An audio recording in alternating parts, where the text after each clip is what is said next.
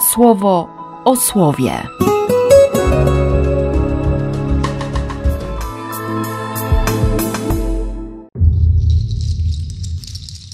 Czwarty lutego, piątek. Z mądrości Syracha. Jak tłuszcz oddzielony od ofiary związanej z ocaleniem, tak Dawid wśród synów Izraela. Igrał on z lwami jak z koźlętami, a z niedźwiedziami jak z barankami. Czyż w swej młodości nie zabił olbrzyma i nie usunął obelgi ludu? Podniósł swą ręką proces kamieniem i rozbił chełpliwość Goliata. Bo kiedy wezwał najwyższego Pana, on dał jego ręce taką siłę, że powalił męża strasznego na wojnie i wywyższył róg swego ludu.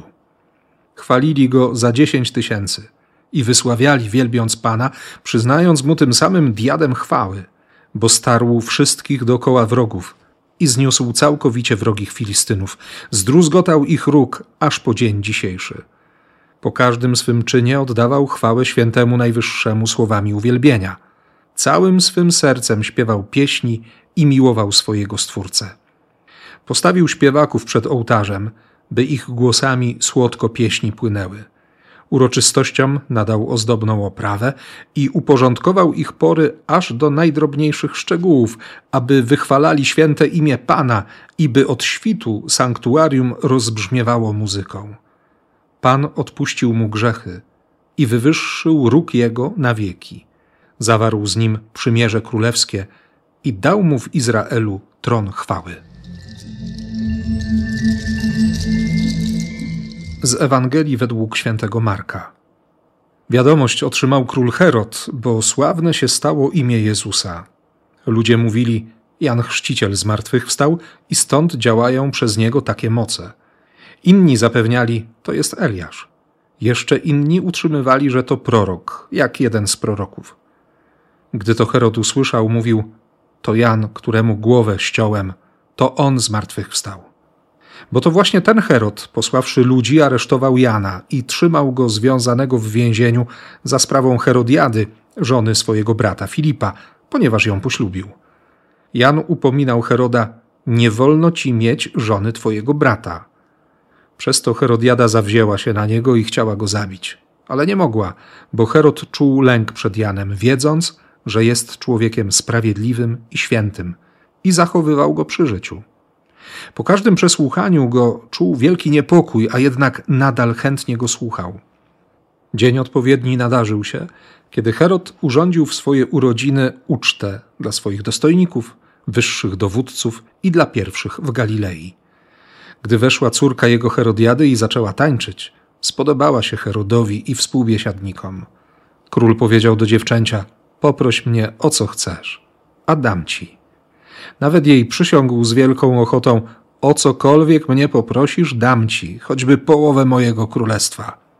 Wyszła, aby zapytać swojej matki: O co mam poprosić? Tamta odpowiedziała: O głowę Jana Chrzciciela. Wróciła zaraz prędko do króla i poprosiła: Chcę, abyś mi tu natychmiast dał na tacy głowę Jana Chrzciciela. Choć król zasmucił się bardzo, jednak ze względu na przysięgę i na biesiadników nie chciał jej odmówić. I z miejsca król posłał strażnika z rozkazem przyniesienia jego głowy. Poszedł, aby ściąć mu głowę w więzieniu. Przyniósł jego głowę na tacy i podał ją temu dziewczęciu, a dziewczę przekazało ją swojej matce. Gdy dowiedzieli się o tym jego uczniowie, przyszli, zabrali jego zwłoki i złożyli je w grobowcu. Trochę dziwne porównanie. Tłuszcz oddzielony od ofiary związanej z ocaleniem. No tak, tylko, tylko że tłuszcz oddzielało się po to, żeby go spalić całkowicie. Cały był dla Pana, a mięso zjadali kapłani. Więc ten tłuszcz oddzielony to, to absolutna, całkowita ofiara dla Boga. Taki był Dawid, całkowicie dla Boga. Oczywiście autor Mądrości Syracha, pomimo tego, że pisze swój tekst jakieś 800 lat po panowaniu Dawida, nie zapomniał, czy nie jest pozbawiony wiedzy o tych karygodnych i wołających o pomstę do nieba grzechach drugiego z królów Izraela. To, co zrobił Dawid, naprawdę odbiło się szerokim echem i, i idzie przez pokolenia. A jednocześnie można o nim powiedzieć, że, że całym swym sercem miłował swojego Stwórcę. Potrafił namiętnie grzeszyć i potrafił całym sercem wracać do Pana. Pan odpuścił mu grzechy. To jest ratunek, to jest nadzieja. Nie? Tej nadziei doświadczałem dzisiaj przez cały, przez cały dzień, przez wszystkie spowiedzi, przez głuszenie słowa, przez rozmaite rozmowy gdzieś tam przy okazji, nawet przez kilka tekstów, które przeczytałem i które były dla mnie jak zimny prysznic, bo pokazywały też prawdę o mnie, odsłaniały moje serce. I wiem, że byłem dziś świadkiem odpuszczenia wielu grzechów i że sam jestem człowiekiem, który potrzebuje, nieustannie potrzebuje odpuszczania grzechów. Nie? Że mam serce, które, które kocha i które grzeszy. I, I dlatego błogosławię Boga za ten ratunek, jakim jest dzisiejsze słowo. I ta mądrość Syracha, i, i Psalm 18, no i, i opowieść o Herodzie, bo się Herod dowiedział o Jezusie imię Jezusa jest sławne. No to on jako, jako tetrarcha, którego władzy podlega również Galilea, a przynajmniej się łudzi, że, że ma władzę, choć jest swego rodzaju marionetką i, i Kaligula nie będzie miał żadnych oporów, żeby go zesłać na banicję w 1939 roku. Ten Herod chce wiedzieć, chce wiedzieć, kim jest Jezus. No to ludzie twierdzą, że to Jan Chrzciciel zmartwychwstał. Stąd działają takie moce. Tyle, że Jan za swojego życia nic szczególnego nie uczynił. Nie? Żadnego jakiegoś spektakularnego cudu, ani wskrzeszenia, ani uzdrowienia, ani. No nic. Jan tylko głosił słowo i to jeszcze przypominał prawo Mojżesza, nadane 1200, 1300 lat wcześniej. Nic szczególnego. A ludzie się nawracali. I to, I to nic szczególnego spowodowało, że Herod go uwięził, bo, no bo Jan nie szedł na kompromis. Grzech jest grzechem, nie? zło jest złe. Bycie prawdziwym polega na tym, że, że się nie zakłamuje rzeczywistości. A że Herod rozbił dwie rodziny, bo, bo córkę króla Petry odesłał do domu, do jej ojca, rozszedł się z nią, a, a wziął sobie za żonę Herodiadę, która była poślubiona jego bratu Filipowi, no, no ciężko było słuchać, że ktoś tam poza Macherontem krzyczy i, i cały czas przypomina, że, że Herod żyje wbrew Bożemu prawu. A mimo to głos proroka jest słuchany przez króla. Jakoś się sumienie odzywało.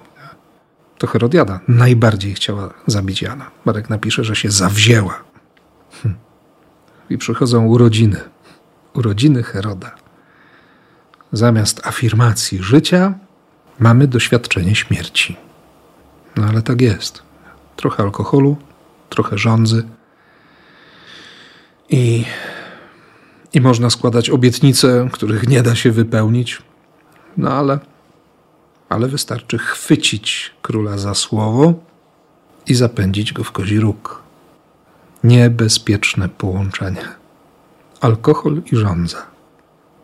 Chcę, abyś mi tu natychmiast dał na tacy głowę Jana Chrzciciela. Co ocaleje we mnie? Nie? No to jest pytanie, z którym Bóg przychodzi do mnie.